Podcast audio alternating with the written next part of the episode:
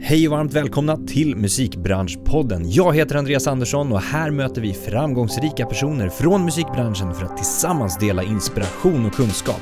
Musikbranschpodden produceras av DMG Education, musikbranschens digitala kunskapsarena med kurser, utbildningar och coachning för dig som vill utveckla din karriär. I dagens avsnitt träffar jag fantastiska Selene Össon som är låtskrivare och producent. Hon är utbildad inom jazz och målet var jazzartist, men efter studierna bestämde hon sig för att byta riktning. Idag har hon bland annat producerat för Veronica Maggio och skrivit och producerat med Miriam Bryant. Hon har även startat studiokollektivet Oda Studios, sitter med i juryn för Musikförläggarnas pris, hon har erhållit flera stipendier och priser. Vi pratar om Selens driv, hennes tydliga målsättningar och hur det är att ge sig ut på nya spännande resor i livet, bland annat hur hennes nuvarande tid att vara föräldraledig kan ge nya perspektiv och idéer på kommande resor. Något vi även kommer in på är hur det är att vara kreativ entreprenör och hur Selene tänker kring allt runt omkring musiken såsom ekonomi, stipendier och att driva sin karriär som en yrkesroll. Häng med i ett riktigt härligt avsnitt. Selene Ösan, välkommen till Musikbranschpodden. Tack. Jättekul att ha dig här. Tack. Kul att vara här. Det känns som att du mår bra. Ja, men det gör jag. Ja, Mm. du är på en bra plats i livet. Mm. En annorlunda plats, Ja, exakt. men, eh, men väldigt bra. Vi satt och pratade lite grann om eh, olika kapitel eller resor i ens liv. Mm. Att det kan vara skönt att liksom Du sa ömsa skinn Ja. och, som en liknelse och Mm. man kan liksom gå in i olika stadier, olika ja, men, tidsepoker nästan. Mm. Mm. Jag gillar det. Jag, Ja, men jag tror att jag ser det lite så. ja. Ehm, och, in, och inte rädd för det liksom heller då. då. Då känns det mer naturligt att så här, ja men ibland är det bra att ömsa skinn. Mm. Liksom, eh, Ja, göra slut med vissa grejer Exakt. och liksom starta upp något nytt. Det kan ju vara ganska läskigt men, men jag, ofta så kommer något bra ur det. Det kräver ju lite mod. Ja. Alltså både, vi pratar både privat och liksom karriärsmässigt nu då. mm. Eh, men det kräver ju lite mod till exempel karriärsmässigt att ja, men, våga välja någonting nytt Mm. eller någon annan riktning eller testa på någonting annat. Mm. Eh, oavsett om man är klar med det gamla eller inte. Ja, men det är det här med tryggheten då. Mm. Alltså att, eh, åt, återigen säga nu, men eh, Men vi pratade lite grann om det innan. precis. Ja. Eh, att eh, för mig är ju trygghet jätteviktigt och Mm. har varit det Mm. hela mitt liv, sen jag var barn. Mm. Eh, Varför då?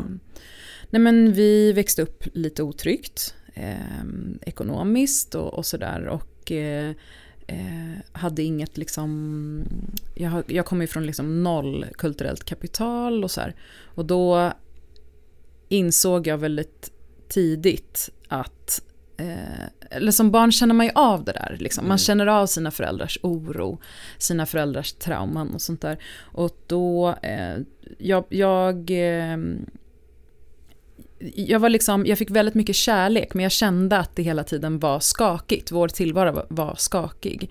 Och då, då, då visste jag ganska, som, som ganska litet barn att så här, okej vi har det skakigt. Eh, det får mig att känna mig otrygg. Trots all kärlek som jag får, som vi har i hemmet. Eh, men då, jag måste, eh, jag vill inte ha det så när jag blir äldre. Och jag visste det som, som ganska ungt barn. Liksom.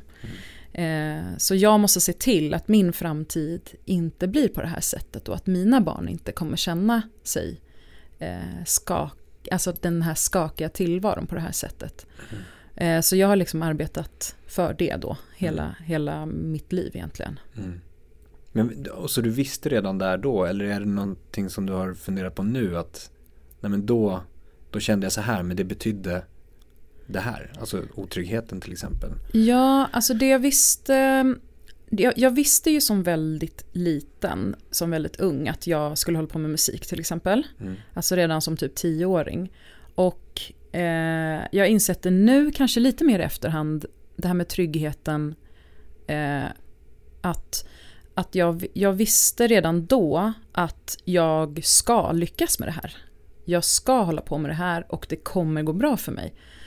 Alltså kanske en så här lite naiv inställning till det. Mm. Att, att det, här, det kommer gå bra för mig, jag kommer lyckas med det här. Jag hade liksom en grundtilltro eh, på mig själv. Mm. Um, att jag litade på att jag kan klara av liksom, att, att, att, att åstadkomma vissa grejer och så här, jag kommer, jag kommer klara mig typ. Eh, och det, det har ju hjälpt mig hela vägen, trots att det har varit liksom skakigt i perioden och man har känt så här, eh, men så här, alla kreatörer kan väl känna igen sig i att det går upp och ner ibland. Men för mig, trots att det liksom har varit lite skakigt i perioder så har jag ändå varit väldigt trygg i att okej okay, men det här, kanske, det här är bara en skakig period, det kommer gå bra. Eh, och så har jag bara kört på med, med, med den inställningen. Mm. Och ja, jag, vet inte hur, jag vet inte hur jag ens har eh, liksom hur det har varit så. Men, men eh, jag har fått, den tryggheten har jag fått hemifrån ändå. Att så här, du klarar av att göra det du vill, mm. vad du vill liksom. Mm. Eh, och sen om man, om man pratar liksom ekonomi och sånt där så har det, det kom ju lite senare in i tonåren att jag så här, jag vill vara självständig, jag vill vara, eh, liksom, ha en trygghet och jag vill ha möjligheter. Eh, och då ledde det till att jag liksom började jobba ganska tidigt och, och har varit, eh, eh ja, men har varit rätt eh, från start lite liksom företagsam och, och behövt tänka på typ sånt. Mm. Den biten av min bransch. Mm. För jag har insett att det är så här, det här kommer inte bara lösa sig. Bara för att du skriver låtar eller producerar eller står på en scen så Exakt. kommer det inte lösa sig. Du kommer inte få in pengar, du kanske inte kan livnära dig på det. Nej. Utan och, det behövs någonting mer. Ja, eh, det, det behövs framförallt liksom, man märker det från de som inte håller på med musik och så här att, att eh, ja men bara med, med liksom eh, nedladdning, alltså du vet sånt, vi, jag är ju barn av den eran. Alltså jag laddade ju också ner musik. Mm. Och allt sånt fick ju en så här, okej okay, men musik anses ju, det ska ju bara vara gratis och tillgängligt för alla. Men jag har ju valt den här branschen nu, hur ska jag lyckas i den om, om gemene man tycker att eh, eh, musik liksom, eh, ska finnas gratis för alla? Fightades du mellan de tankarna? Att men nu, vänta här nu, jag vill ha det gratis, ja. men samtidigt så vill jag ju put it out there, jag vill ju skapa någonting själv mm. som är av värde. Mm. Fightades du med de tankarna någon gång där? Inte direkt tror jag inte, utan det bara, det bara hände en skiftning där tror jag. Mm. Mm. Alltså det, det liksom... Eh, sen har det ju varit att jag har liksom så här, laddat ner i början av min liksom, musikproduktionskarriär eh, så laddade jag ju ner en del mm. och fick en del liksom, plugins och sånt. Um, och det, det var så här, ja men det här är nödvändigt för att jag ska kunna jobba. Mm. Men nu när jag har liksom eh, hållit på med ett par år och liksom etablerat mig lite mer i det eh, och har en annan ekonomi, då, nu köper jag ju allting såklart. Mm, mm. Eh, och det har varit viktigt för mig att så här, eh, för att jag tycker också att det är väldigt viktigt att musik är tillgängligt. Alltså att skapande är, ska vara tillgängligt. Jag tror, jag tror att det är jätteviktigt för att många olika typer av skapare ska kunna liksom, eh, få hålla på med, med musik. Mm, mm. Eh, att det inte blir en klass eh, en klassaktivitet. Liksom. Nej, nej. Eh, så jag ska inte sticka under stolen med att jag har laddat ner en del, men inte längre. Nej. Alltså nu har jag gått över helt till att liksom köpa och stötta de tillverkare som jag det som jag använder liksom. Mm, mm, snyggt. Mm. mm. Det blir ju lite grann, vi kommer in på det vem, mer vem du är och, och, vad du har gjort och vad du gör för någonting. Men det blir ju lite grann när vi ändå är inne på det att man som kreatör in i musikbranschen tvingas in i ett eget företagande. Mm. Um, egentligen oavsett om man vill eller inte. Mm. Det, du, det, det är sällan du får en anställning som musiker. Det finns ju vissa. Ja. Eh, ofta liksom i det klassiska, mm. eh, klassiska genren till exempel. Eller i en orkester eller liknande. Du kan mm. få en mm. anställning. Men det är väldigt, väldigt få ställen. Mm. Där du har en sån trygghet. Mm. Eh, så de flesta tvingas ju in i någon slags egenföretagande. Mm. Där man egentligen har som produkt drivkraft det kreativa. Om det är att skriva låt eller producera eller framföra eller vad det nu må vara. Um, men det andra får man, inte, får man lära sig allt eftersom. Ja. Med business, med pengar, med budget, med intäkter, kostnader, mm. pensionsavsättningar, Mm. banken, alltså allt behöver Mm. du ju lära dig. Mm. Hur har du, liksom, har det bara rullat på och du har fått ta varje puck när den väl kommer?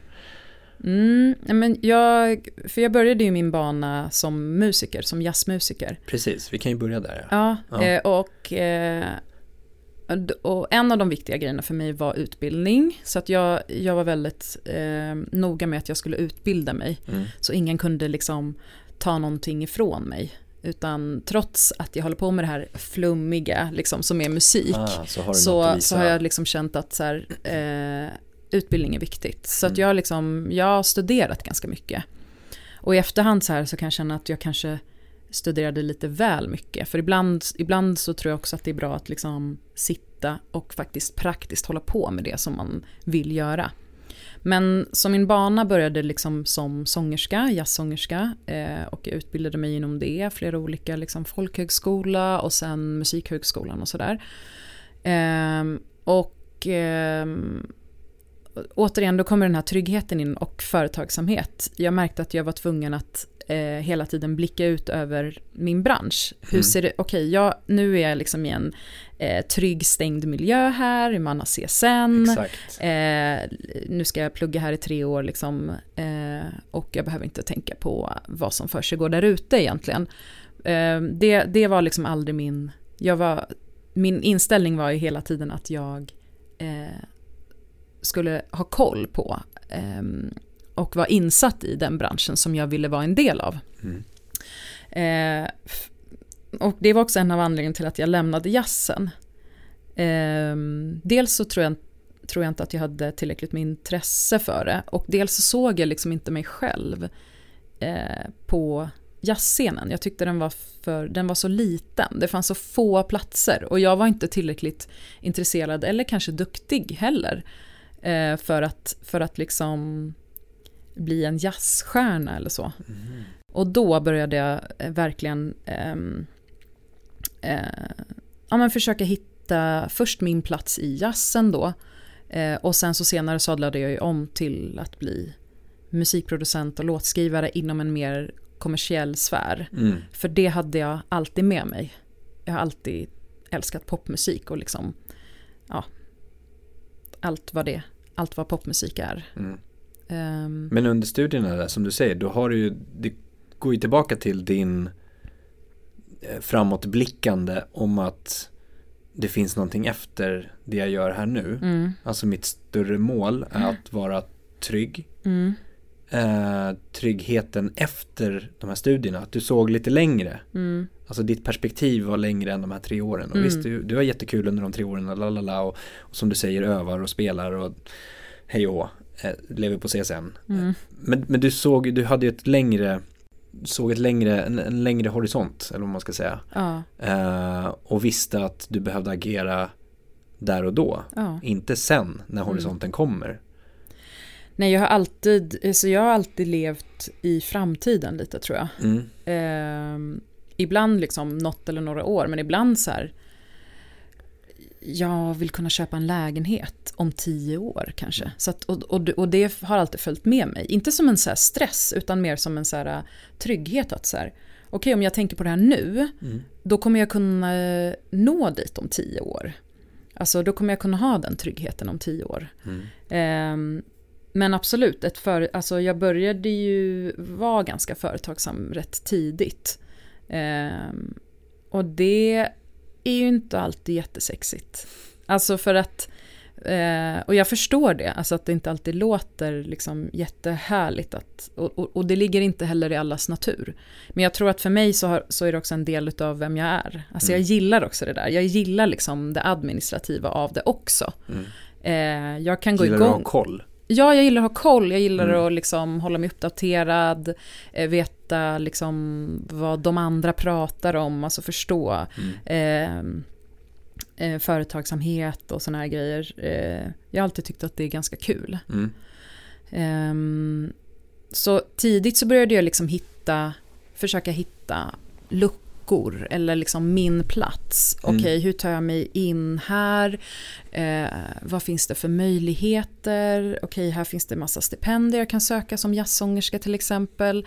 Vad är min styrka i de här lägena? Mm. Eh, och det har jag liksom försökt använda hela tiden. Titta på den här juryn. Vad är det för jury? Vad skulle de kunna tycka var intressant och unikt med mig? Mm. Okej, men då plockar jag fram lite mer av den biten av mig. Liksom. Man, för man är ju så här, mång, man är ju mångfacetterad, men det är ju alltid vilken del av mig själv ska jag liksom visa i vilka sammanhang. Mm. Och där tror jag att jag eh, har haft tur och liksom varit, eh, jag har kunnat lokalisera det. Mm. Ja, men du har haft en omvärldsbevakning på något sätt. Ja. Alltså, det är inte jättevanligt. Utan att det är ganska vanligt att man går inåt först. Mm, I sådana sammanhang. Om man ska söka ett stipendium. Okej, v- vad vill jag visa upp? mm, Vad vill jag framhäva hos mig? ja, Men du har gjort tvärtom. Du har ju börjat med slutdestinationen där också. Alltså på något Just sätt att, att titta på så här. För att förverkliga det här eller för att få det här priset eller stipendiet i Mm. det fallet då. Vad behöver jag göra då? Vad behöver jag gå tillväga? Vad, vad letar de efter? Vad är det de Just skulle det. vilja ha? Hur skulle jag kunna särskilja mig? Annat Mm. än att vad skulle jag vilja göra? just det. Vad intressant, jag har inte tänkt på det på det sättet. Men jag tyckte det, det blev så tydligt Ja. när du bara, när du beskrev det så. Faktiskt. Ehm, Och det är nog väldigt vanligt att man Oavsett vad man gör, om man är kreatör eller tänk dig att man ska söka ett jobb mm, Att man inte dissekerar anställningsannonsen mm, Utan att man börjar titta på den här titeln verkar fett Det vore Just kul att jobba med som mm, Och så tittar man på sig själv Framhäver vad man själv har mm. Skriver sitt CV, skriver ett personligt brev Jag är den här, jag är den här, jag Mm. beskrivs som det här, det här, det här Men man matchar inte riktigt med liksom Vad som behövs där borta Nej. Ja, men in, intressant. Ja, det stämmer kanske, eh, det du säger. Alltså, det kanske stämmer in på mig. Liksom. mm. Ehm, men jag har aldrig varit liksom osann mot mig själv. Nej, Ehm, och det tror jag är superviktigt. Att, alltså, det vill jag ändå lyfta, att jag har aldrig liksom gjort... Eh, det är inte för att plisa andra som jag har hållit på med det jag håller på med. Utan, utan det är snarare så, i, sådana sammanhang så har det bara varit så här, vilken del av mig själv Exakt. ska, ska jag lyfta? Och då har det, jag har haft liksom enorm tur och fått mycket stöd och blivit eh, eh, uppmuntrad mm. Ehm, och varje gång man blir uppmuntrad utifrån, då, det, det liksom lyfter ju en såklart. Så det har ju alltid funnits, eh, det har alltid hänt massa grejer de senaste liksom 10-15 åren som har gjort att jag också har förstått att jag är på rätt bana. Liksom. Mm. Och den uppmuntran betyder ju jättemycket. Att bli inbjuden i vissa sammanhang, att ja, men, stöd och uppmuntran i form av stipendier eller eh, ja, inbjudningar. Om olika initiativ. Ja, Vi precis. pratar om eh, Spotifys equalizer. Exakt. Eh, Ja men att bli vald, till, alltså vald i, i, till, in till det, inbjuden till det sammanhanget var jättestort. Mm. Och så här, vad fint att de ser mig som, som... För jag har ju heller aldrig varit förlagd eller, eller jag har aldrig haft något management eller sådär. Så jag har ju jobbat ehm, liksom independent hittills. mm. Sen har jag varit i kontakt med förlag och eh, eh, ja, men, liksom provjobbat med förlag och sådär. Och, och, och då har jag blivit eh, liksom inbjuden till vissa, vissa grejer, till exempel ett camp. Eh, ett camp som heter She Writes blev jag inbjuden till tack vare Sony ATV. Som jag var i kontakt med då. Eh, och det campet ledde ju till att jag började jobba med Miriam Bryant till exempel.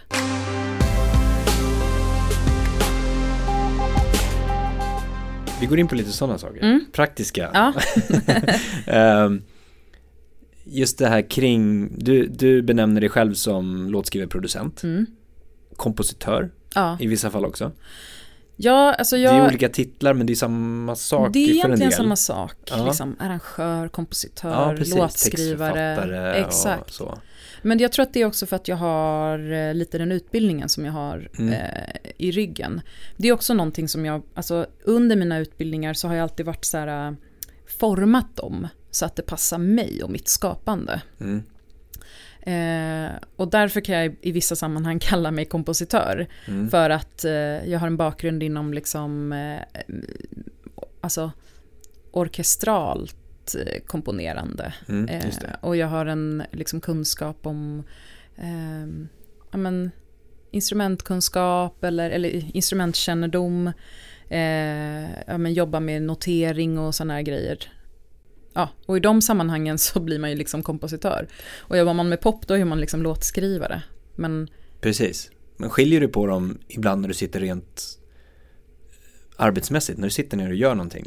Tänker du så här, nu producerar jag den här låten? Eller nu, nu arrangerar jag den här. Arrangerar Ja, men ehm, ibland så tänker jag på de olika rollerna som man ändå har. ja, går in i något Ja, mode liksom? ja men till exempel om man ska jobba med stråk då. ja. Då blir det väldigt tydligt för mig att nu är jag stråkarrangör. Liksom. Mm. Eh, nu ska jag arrangera det här, jag ska notera liksom... Eh, eh, men för det mesta i produktion så kommer ju allting, allting blir ju ett. Mm, Alltså, exakt. Eh, men ibland tror jag att det är bra att skilja på de här hattarna också. Så att man har, egentligen så har man så sjukt många olika roller som skulle kunna delas upp i olika personer också. mm, Eh, som utför de mm, grejerna. Liksom. mm. Är det så att du i vissa projekt är allt och i vissa projekt bara en roll? Ja. Um, jag, har också, jag ser också på det här, alltså uh, en grej som jag bestämde mig för, för att svara på din fråga på ett lite annorlunda sätt, men något som jag insåg och, och bestämde mig för uh, för några år sedan var också att uh, okej, vi har massa olika kunskap. Jag har massa olika kunskap och jag ser det som liksom kunskapsstaplar. Så här. Ehm, jag skriver, jag arrangerar, jag liksom mixar eller gör en kreativ mix och, jag sjunger eh, och så här. Och ehm, jag insåg att så här, alla de här grejerna är väldigt kul, men jag kan inte bli jättebra på allt det här. Eh, för det här är faktiskt olika roller. Eh, så om jag tittade på mina så kunskapsstaplar så blev det så här, okej, ska jag liksom vara halvbra på alla de här grejerna? Mm. Eller ska jag skita i att mixa? Eh, och bli jättemycket bättre på alla de här andra, alltså på, på liksom bara prodda och bara skriva till exempel. Mm. Eh, så jag började, mm, men för några år sedan så kunde jag ta på mig att mixa, bara vara mixare, liksom, att jag fick mixprojekt. Men jag insåg att så här, jag är inte tillräckligt intresserad och jag är inte tillräckligt duktig på det här för att, eh, för att, va, för att vara mixare. Mm. Eh, så jag har också behövt aktivt eh, ta val och tacka nej till sånt som tar upp min tid som inte är min huvud, Mm. mitt huvudmål. Eller min, liksom. min huvudsyssla, exakt. Ja, Det är också svårt. ja, Eftersom jag är sångerska, jag har ju liksom, när jag bestämde mig för att jag ska satsa på produktion och låtskrivande, ehm, så kom det fortfarande in förfrågningar om att sjunga på massa, i ma- massa olika sammanhang och sånt där. Och jag var ju tvungen att aktivt tacka nej. Mm. Även om jag vet så här, fan, det här är en liten inkomst och, Ja, och jag det. tycker också att det är kul. Ja. Men det här är inte mitt mål just nu, så jag måste våga tacka nej till de här grejerna. Mm. För att liksom prioritera det andra. Mm. Snyggt, för det, det handlar ju mycket om det i, i företagsamhet överlag. Mm, Om man ska driva ett företag så kan du inte göra allt nej, inom allt. Alltså det, det funkar ju inte. Mm. nej. Utan du behöver ju prioritera vad är det du ska fokusera på. Alltså din tid, din energi, sälja och som du var inne på att skala av snarare än att liksom bygga en superbredd och ta på sig allting för då blir du lite lite halvbra på allting då. Jag tror att det är jätteviktigt. Alltså om det är något som jag liksom... Det, jag tror att det är en av de absolut viktigaste, eh, min, en av mina absolut viktigaste, vad heter det? Uppenbarelser. Ja, Eh, att, att tacka nej, att ha lite, liksom, jag, för att jag gillar kunskap väldigt mycket. mm. Jag tycker att det är väldigt kul att kunna lite om allt det här. Mm. Ehm, och typ när mina kompisar började DJa till exempel, då blev jag så här, men gud ska man börja DJa, vad Ja, kul. kul. Ja. Jättekul och sen, och sen bara, nej nej vänta nu, det här, det här är jättekul och men, men jag, jag måste liksom hålla mig lite på banan. Mm. Så jag förs försöker att skala av så mycket som möjligt. Mm. Ehm, just för att jag också har en tendens att liksom eh, nörda in mig på eller så utbilda mig inom vissa grejer och så. Mm. Och det är också en, an- alltså en av grejerna är att jag, som jag sa innan, att jag kan känna att jag kanske har gått lite för mycket i skolan ibland. Mm. Eh, samtidigt så har jag aldrig låtit skolan vara mitt huv, min huvudsakliga liksom, sysselsättning utan jag har alltid så här, inkorporerat eh, verkliga projekt Mm. eh, till som skolprojekt då istället för att hitta på någonting. Så har jag bara så här, okej men jag jobbar ju faktiskt med den här produktionen nu, då kan jag ta in det i min utbildning och så. Exakt. Eh, Ja, men det där med fokus tror jag är superviktigt att försöka förstå sig på för att det är Det är ju lätt att ryckas med och tycka att någonting är roligt. mm, Men att gå tillbaka till företagsamheten och entreprenörskapet i det och titta på den, den, den övergripande målsättningen. Varför gör jag det jag gör? Kreativt till exempel. Ja, men för Mm. att jag har som mål att jag skulle vilja livnära mig på det och göra Mm. det varje dag resten av mitt liv till exempel och tjäna pengar på det. mm, Ja, men har du det som mål då behöver du prioritera och lägga fokus. Det går ju att likna lite grann tänker jag med alltså, idrott och sport. mm, Alltså att du kan inte, även om det är roligt att spela fotboll mm, så kan du inte bli livnära dig på att bli fotbollsspelare, simmare, orienterare, mm, skidor eh, och spela schack och livnära dig på det. mm, För att tidsmässigt, vad lägger du din fokus på? Du kan bli väldigt duktig på det. mm, Men du kanske inte kan livnära dig på det och få in en intäkt, eller liksom in, en inkomst på det. Och lite samma sak att skala av då, vad är det jag tycker är allra roligast? Vad är det jag Mm. tycker är liksom, vad är jag bra på? Vad kan jag bli bra på? Men också att eh, faktiskt se, eh, se musikproducent och låtskrivare som ett yrke. Exakt. Jag har, ba- Ja. jag har behövt se det, jag har behövt liksom eh, inse och bestämma att så här, det här är min passion. Mm. Det här, jag har jobbat med det här hela mitt liv, det här är det jag älskar mest. Men det är också ett yrke, det Mm. är mitt yrke. Och jag måste också förhålla mig till, till eh, skapande på ett sätt eh, som, att, som att det är mitt yrke. Annars kommer det aldrig liksom ehm, annars kan jag liksom sitta i min källare och skapa musik för ingen. Ja, precis. Eh, och jag skulle ju bli glad av det, men, men, men nu mitt mål är att jag ska livnära mig på det här och då måste jag, då måste jag anamma det från det, eh, det perspektivet också. Jätteviktigt. Mm. Ja men yrkesrollen, för att det är ju Det är ju lätt att bara ryckas med och, och, och jag gör det här för att det är kul. Mm, Det är en hobby. mm, Och sen hobbyn vore, det vore roligt, spännande, Mm. eventuellt, kanske förhoppningsvis. Mm, Och att lyckas någon gång. Att göra det på heltid. mm, Men att se det som en yrkesroll, mm. det är ett arbete. Och hållbart också, alltså Mm. ett hållbart yrke. Mm. För jag tycker att, eh, eller den insikten eh, att folk runt omkring mig mår så jävla dåligt och alla jobbar dygnet runt vad det verkar. Eh, men det finns ingen stabilitet. Det, det för mig liksom gick bort. Så jag var också tvungen att bestämma mig någonstans att eh, okej, det här är min passion, det är mitt yrke eh, och nu ska jag se till att jobba på det sättet. Eh, men på ett, håll, på ett hållbart sätt. Hur kan jag göra det här på ett hållbart sätt? Eh, kan jag bara vara kreativ på nätterna? Det finns ju Mm, den här mm, myten om att så här, eller jag, jag liksom ser det lite som en myt nästan att ja men det, det här att man väntar till att kreativiteten ska komma till en. Exakt. Och oftast kommer det på nätterna Mm. och du vet så.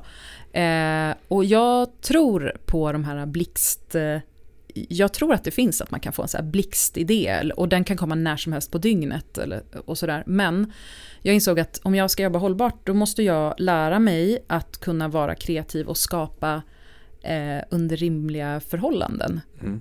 Du För sätter jag kan lite inte- gränser för dig själv. Ja men jag kan inte sitta och vänta på att det ska komma till mig liksom. Jag måste kunna skapa Mm. eh, när det behövs. Hur har du gått tillväga där då? Nej, men jag satte väldigt tydliga arbetstider för mig själv. Mm.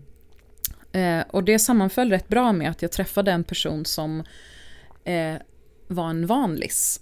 Alltså han jobbade vanliga arbetstider. Eh, och det var första gången jag var med en sån person som liksom hade, ett, så här, hade en grundtrygghet, stabilitet och hade ett, ett sånt, ett, levde ett sånt liv. Och då var jag så, okej om jag vill vara med den här personen och vi, och vi faktiskt ska kunna ses, då kanske jag också ska börja jobba 8 till 5. Mm. Hur skulle det vara om jag gick till studion liksom och var där 8 på morgonen? Ehm, så i samband med det så, så började jag liksom jobba sådana såna arbetstider.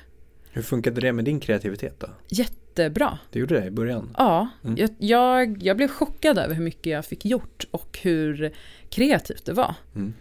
Och jag kände också i slutet av arbetsdagen, jag jobbade också väldigt strukturerat. Jag gick min eh, master i samband med det här och valde att skriva min masteruppsats på det här, just arbetssätt och metoder. Mm.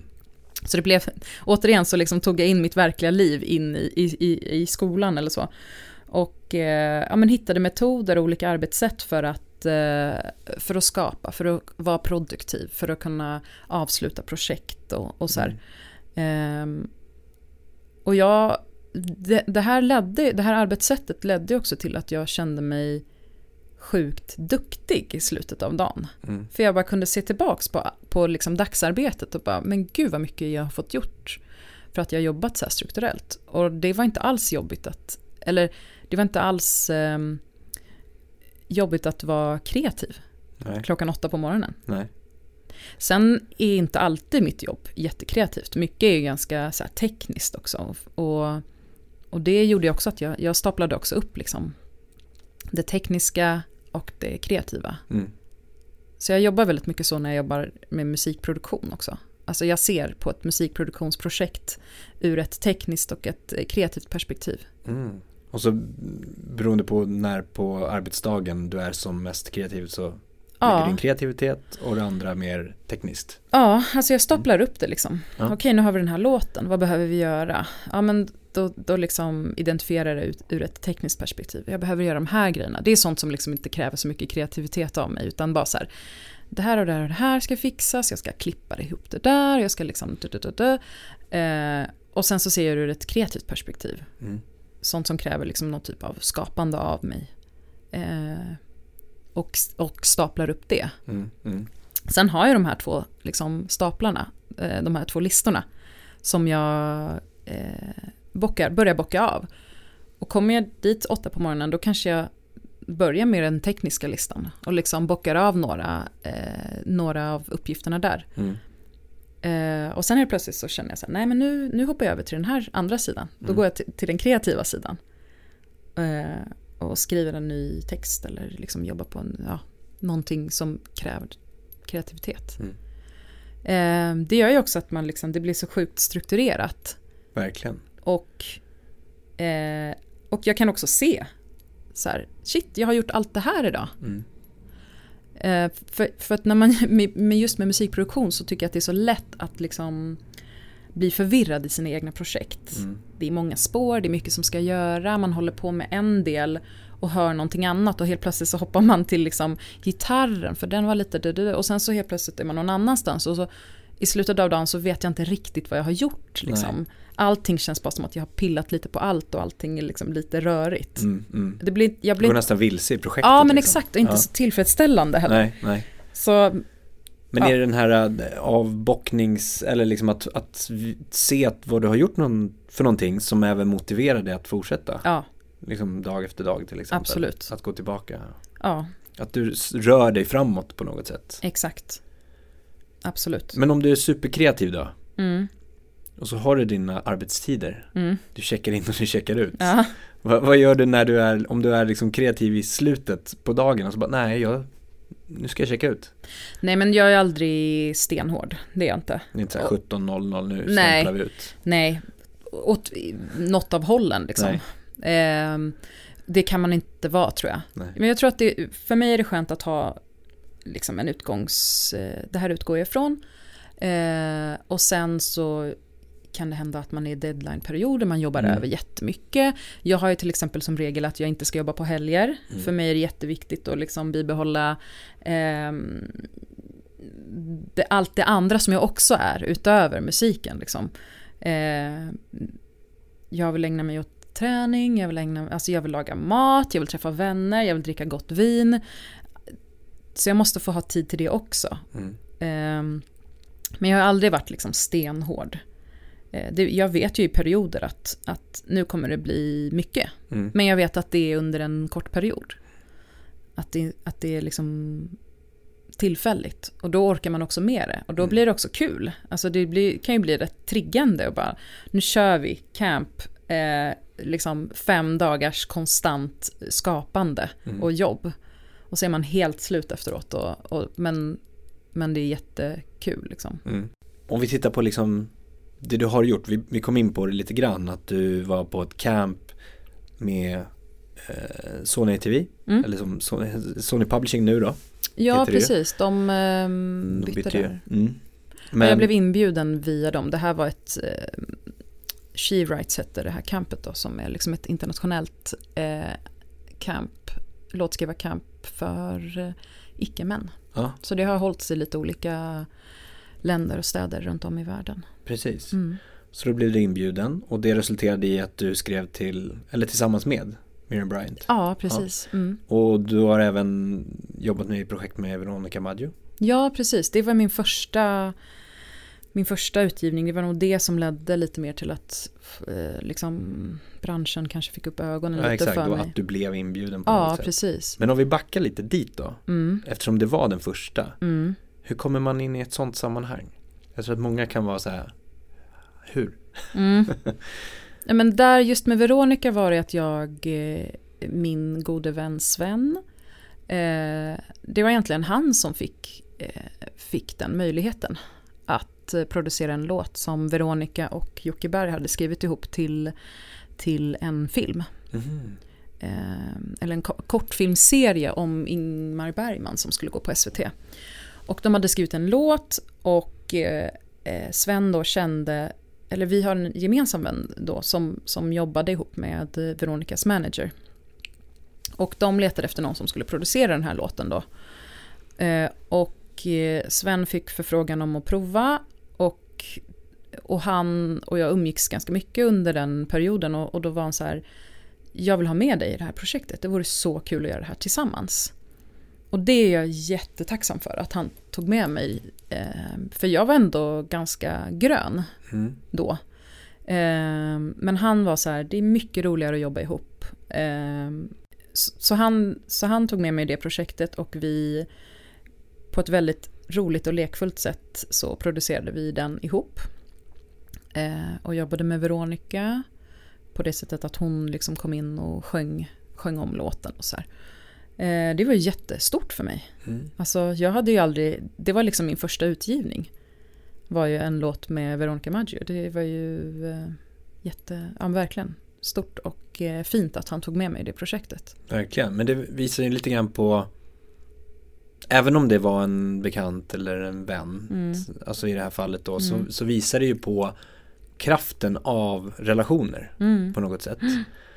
Och liksom vikten av relationer också. Mm. Att omge sig med personer, både liksinnade personer och icke liksinnade mm. personer mm. som man inte har någon slags förväntan på att någon ska hjälpa en eller att man ska hjälpa någon annan utan det är bara liksom omge sig med den sortens nu, nu kommer vi in på det ordet igen, trygghet mm. eh, som kan stötta en mm som kanske vill vara med och stötta en också i det här fallet då. Mm. Och ge en sån Ja, jätteviktigt med sådana sammanhang. Men hur, eh, jag tänker om man backar tillbaka till när du var där då och, och liksom, hur tänkte du kring att så här, nu ska jag ta den här möjligheten, förvalta den på bästa möjliga sätt mm. och sen då? Ska jag liksom hoppas det kommer någonting mer? Eller mm. var, var, du där i stundens hetta liksom? Och... Nej men en grej som jag har insett är att jag har aldrig jag har faktiskt inte tagit så jättemånga initiativ själv till samarbeten. Mm. Jag har inte jagat jättemycket utan mycket har landat mm. i mitt knä. Mm.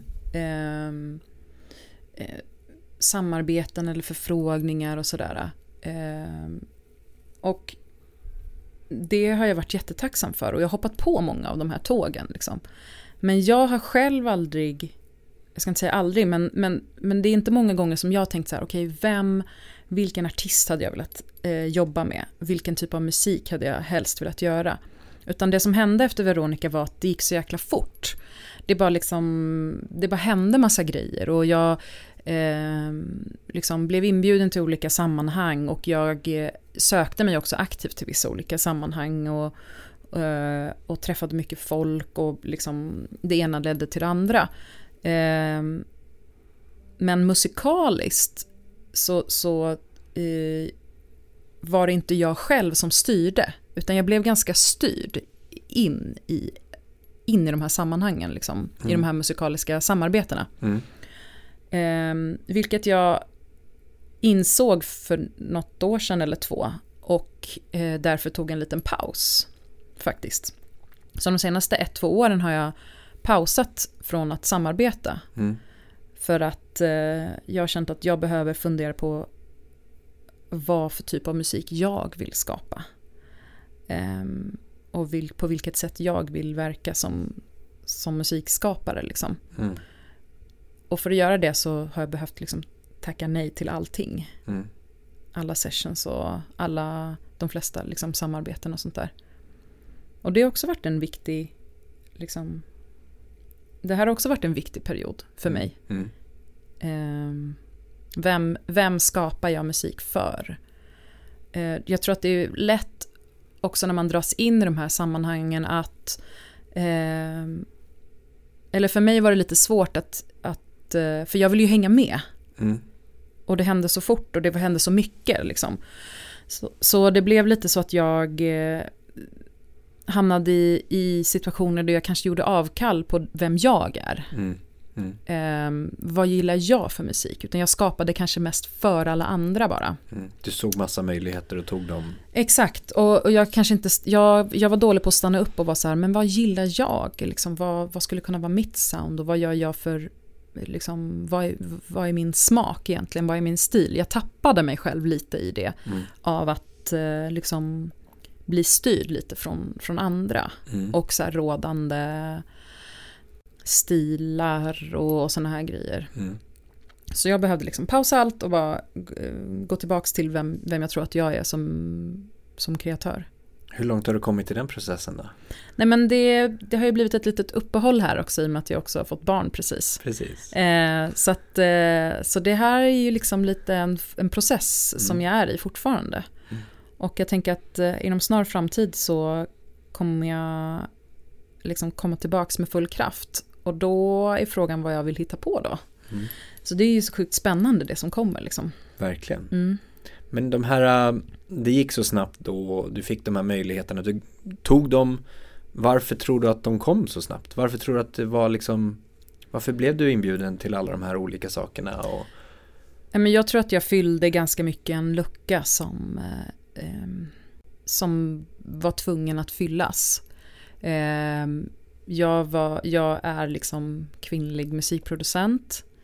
För fem sex år sedan så var det liksom verkligen brist på sådana. Eh, så jag tror att det var också dit branschen är på väg liksom, så var det en nödvändighet att ta in fler som jag. Och då blev jag en väldigt bra person för, för de sammanhangen. Liksom.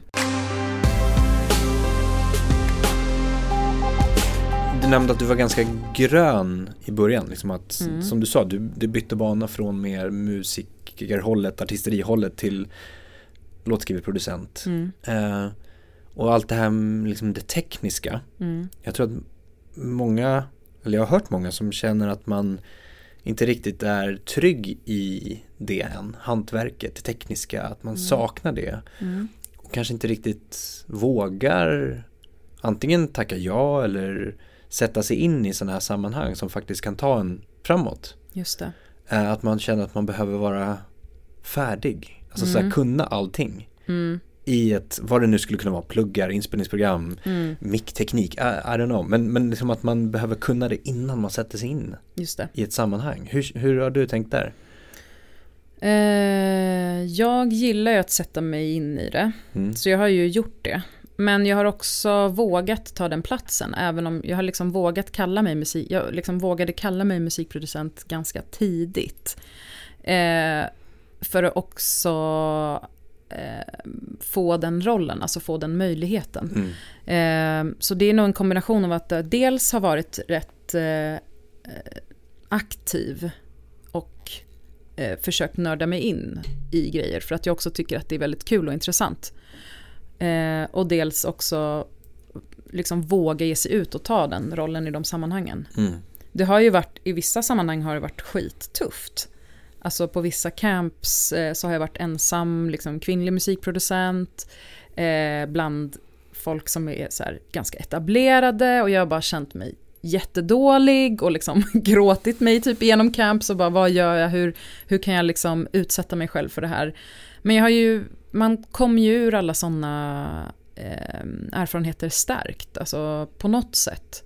Jag har ju lärt mig något nytt på vägen. Jag har ju gjort många misstag som musikproducent. För att jag har varit ny. Mm. Eh, men jag har lärt mig någonting av varje misstag och, och såklart. Eh, och tagit med mig det till nästa tillfälle. Mm. Så ja, det, det, är ju bara att ge sig ut liksom. Eh, och det du säger att det, jag har alltid varit ganska tekniskt intresserad. Men jag har nog, jag har inte varit helt uppmuntrad till att hålla på med teknik. Mm. Eh, men jag har haft intresset. Så när jag väl bestämde mig för att så här, okay, men det här vill jag hålla på med nu. Då har jag, då har jag ju varit intresserad av det. Och det tror jag är viktigt av, att man är intresserad. Mm. Eh, och nyfiken. Annars så blir det svårt att nörda inom någonting. Och, om man liksom inte... Man ska inte bli musikproducent om man inte bryr sig och inte tycker att det är kul. Nej. Bara för att. Nej.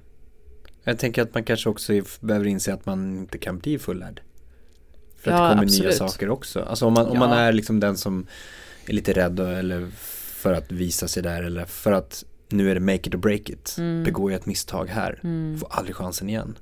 Men det är svårt också, det är, för att man, alltså det är svårt för att man blir ju inte uppmuntrad på samma sätt. Nej, precis. Eh, och då kan det vara rätt tufft ja. när det känns som att varför kan inte jag, varför kan ingen se mig i den här rollen? Mm. Varför blir jag alltid eh, uppmuntrad till att gå och sjunga istället. Eller eh, liksom, varför sitter någon på min plats? Mm. Eh, och det är ju inte nödvändigtvis illa menat.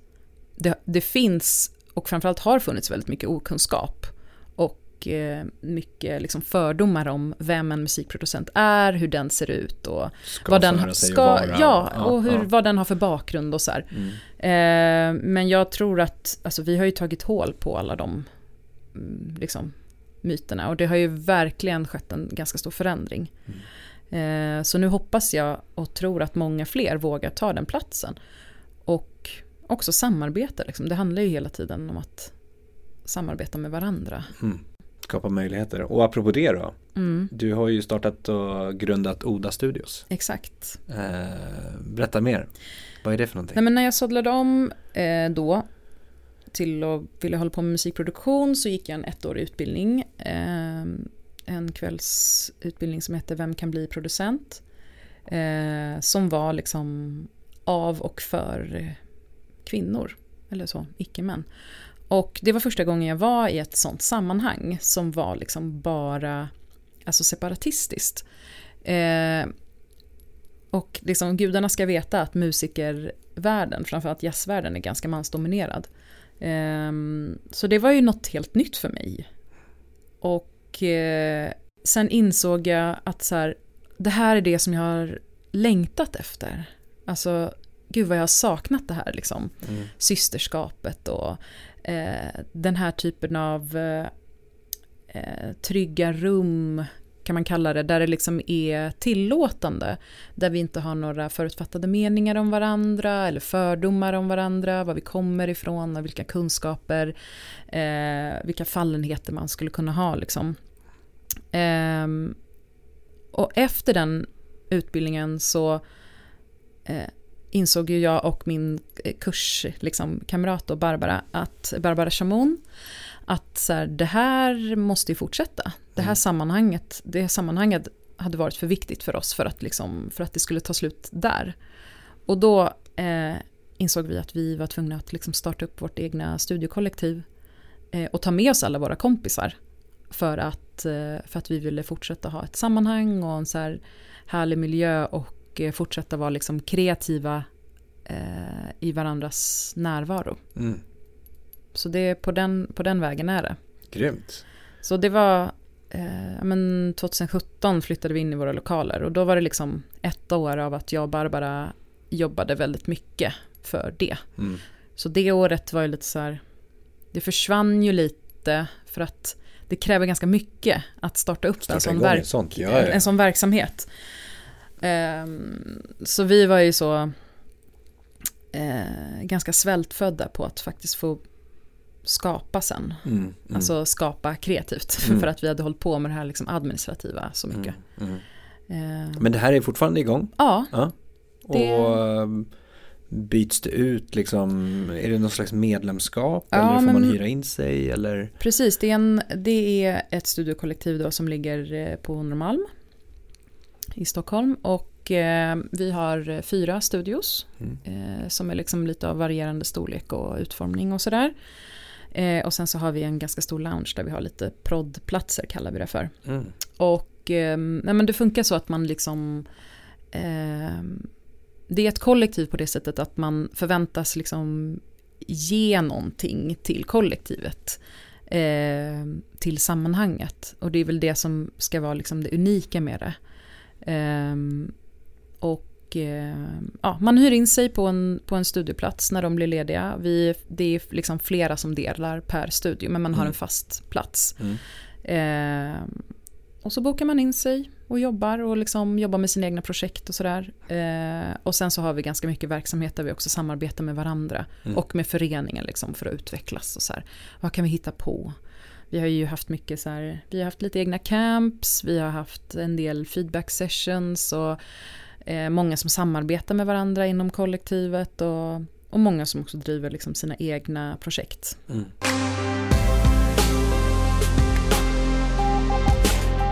Apropå det här med stipendier så, så och kopplat tillbaka till tryggheten Mm. som vi pratade om också. Och du berättade innan det här om att nej men du har inte sett det som en för stipendier inne- innebär ju en, en ekonomisk eh, penning liksom, Mm. som du får Mm. för att kunna utöva det du ska göra.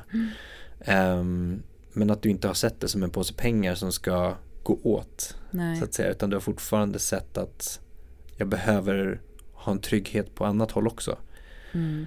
Eh, men vad har liksom de här stipendierna, vad har det, har det inneburit någon annan slags eh, boost eller någonting Ja. annat än liksom Alltså det är en enorm uppmuntring och det Ja. blir ju en enorm trygghet men jag har ju aldrig eh, den tryggheten har liksom inte varit nog. mm, Eh, Jag har aldrig sett det som att så här, ah, nu har jag en påse pengar, nu kan jag chilla ett år och, nej, eller två och liksom utan jag har ju alltid jobbat på och Mm. försökt eh, bygga upp.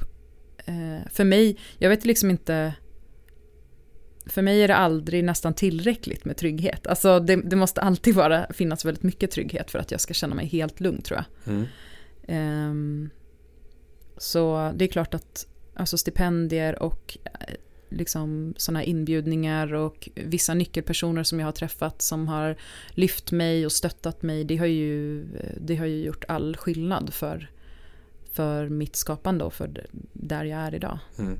Men den här um, affärsdelen i dig, Mm, att se omvärlden, att se horisonten som vi var inne på. mm, När du träffar sådana här nyckelpersoner eller sätts i olika sammanhang, du sa det, men är equalizer eh, delen där, du har Mm. liksom träffat Max Martin flertalet gånger och mm. eh, liksom blivit inbjuden till olika sammanhang kopplat till det här med horisont. Mm. Ser du möjligheterna eller försöker du se liksom vad skulle det här kunna resultera i eller Jag tror att i början kanske jag kunde bli så här, åh herregud, jag ska träffa eh, Max Martin eller eller Martin. Tänk om, jag, tänk om det här leder till det här och det här och det här. mm, Eh, men jag har också sett väldigt många personer bli besvikna. Säg att man har blivit förlagd eller man har blivit signad som artist och tror liksom att nu händer det. Mm. Så här, nu, nu kommer det flyga och så har det inte hänt och så blir personer liksom helt förstörda av det och kanske till och med lägger av med musik. Eh, så i början så var det väldigt lätt att jag blev liksom sjukt upphetsad av att vara i vissa sammanhang eller, eller liksom det bubblade i en och man tänkte att det här kan ju leda till vad som helst. exakt. Men eh, ganska snabbt så tror jag att jag eh, har en... Jag, jag, nej men, jag har en inställning att eh, det här är nu. Eh, det som sker i de här rummen, det sker här. Men det är inte alls säkert att det här... Det här behöver inte betyda att, att att det kommer hända massa grejer på grund av att jag är i de här sammanhangen. Mm. Också för att inte göra, göra mig själv besviken. Mm. För jag har också råkat ut för att, alltså det är klart att man är med om tillfällen där det är så här, åh vi, vi borde göra det här eller du ska göra det här eller jag jobbar med den här artisten, jag kan ta in dig i det här sammanhanget. Jag har ju också blivit eh, besviken många gånger. Mm. Eh, vilket har gjort att jag så här, eh, försöker att inte sia fram för mycket i tiden när det kommer till möjligheter. Mm. För att inte bli besviken. Nej. Och bara finna en trygghet i här och nu. Mm. Mm. Jag måste vara trygg här och nu. Eh, det här behöver inte leda till det ena till det andra. Nej. Och så är det ju mycket i vår bransch. Liksom man, alltså, man skriver ju massa låtar, man- jag har varit med i massa camps och du vet så. Men det är ju inte jättemånga av de här sammanhangen som har eh, gett till utgivningar eller till, till vidare samarbeten och sådär. Nej. Och hade jag blivit knäckt varje gång en låt liksom inte ges ut, då hade jag inte hållit på med det här. Nej.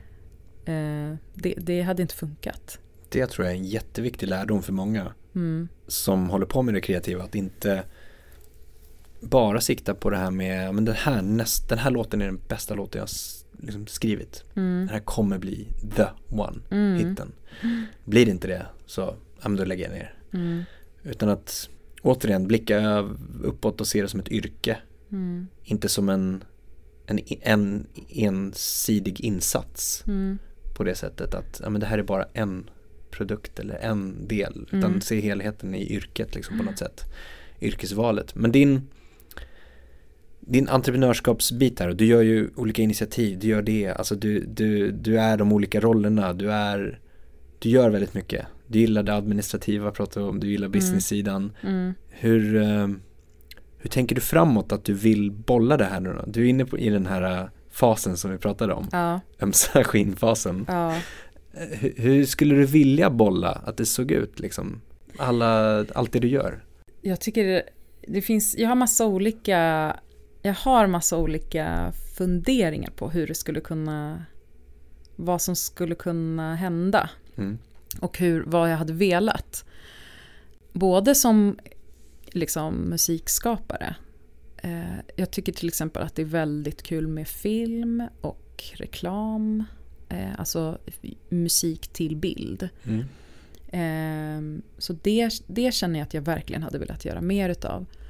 Och sen finns en del av mig som är så här, kanske jag skulle prova, alltså finns det en möjlighet för mig att vara lite på den andra sidan? Mm. Kanske. Mm. Jag har sett fler och fler liksom, eh, låtskrivarproducenter som har blivit A&Rs nu på sistone. Mm. Vilket i början var så här, va? Vad är det här? Liksom, de är ju inte, de är inte liksom A&Rs. Men sen har jag så här förstått, jag har verkligen förstått varför och hur man kan bli det som, alltså var, varför det finns en dragning till det också. Mm. Mm. För jag har ju alltid också varit en person som har velat ge tillbaks väldigt mycket. Alltså ge vidare till alla, till liksom, av det lilla jag kan, om det, hjälp, om det kan hjälpa någon annan så, så vill jag jättegärna dela med mig av det. Exakt. Um, ja, så en del av mig så här, tänk om man skulle liksom fundera lite på hur det är att vara på den sidan. Och, eller ska jag skapa någonting för mig själv, helt för mig själv? Ska jag, liksom, ska jag bara göra ett album? Mm. Det har jag, alltså skapa musik för och åt mig själv har jag inte gjort på jättemånga år. Nej. Och det är en sida av mig som har funnits mer förut. Mm. Men eh, det känns typ lite för läskigt. Men, men någon gång i livet så hade jag nog velat göra det. Ja. Alltså eh, utan några liksom förutsättningar eller sådär göra något för min egen skull. Mm. Och sen, jag vet inte om jag sa det, men jag har ju också jobbat lite med ljud, alltså inspelning, eh, ljudböcker, ljudläggning, sådana här grejer. Och det tycker jag också är väldigt kul. Mm. Så att vi får se lite. Det finns ju mycket möjligheter. Ja. Och så handlar det om dina prioriteringar, det vi var inne på. Så här. Men Ja. vad, vad vill jag lägga fokuset på? Vad vill jag lägga fokuset på och vad vill jag? Det där är ju superspännande. Mm. Så då får vi se som eh, i nästa fas, eller hur? När du har liksom, när du är inne där och så får vi, får vi Mm. köra en recap.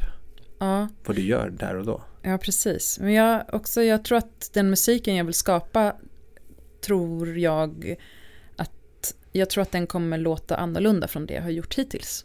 Mm. Eh, just för att jag har varit ganska ny, jag har varit ganska påverkad av vad andra tycker och tänker. Så jag hoppas att jag framöver kan vara ännu mer liksom sann mot mig själv och mitt eget skapande. Mm. Eh, och våga ta lite risker eh, musikaliskt. Eh, för egentligen så är det väldigt mycket jag. Och jag hoppas att jag kommer hitta tillfällen och samarbeten där det är tillåtande Mm. och uppmuntras. Mm. Och att jag vågar, liksom, vågar eh, ge mig ut på det sättet. Det, det är väl liksom, oavsett vad det blir nu så, så hoppas jag att det är liksom mitt främsta mål. Att Mm. vara lite mer sann mot mig själv i mitt skapande. Mm. För det, det kan vara svårt att hålla, och, och hålla sin, sin linje liksom. Sin bana. Ja. Mm. Kul, Mm. mycket spännande ju. Mm. Alltså verkligen, Ja, det låter gud. superspännande. Jättebubbligt. Ja, jättestort lycka till. Mm. Och Selene, tack för att du kom hit. Tack själv. Jättestort tack för att du har lyssnat på podden idag. Det uppskattas verkligen. Kom ihåg att följa, stjärnmarkera, gilla, dela, kommentera för att hjälpa till att sprida kunskapen i musikbranschen. Vi vill också jättegärna höra från dig. Vilka utmaningar står du inför? Vad tycker du är svårt? Vad tycker du är lätt? Vad vill du höra? Vad vill du veta? Vad vill du lära dig? Hör av dig till oss på info at dmgeducation.se. Tack för idag och ha en fortsatt härlig dag.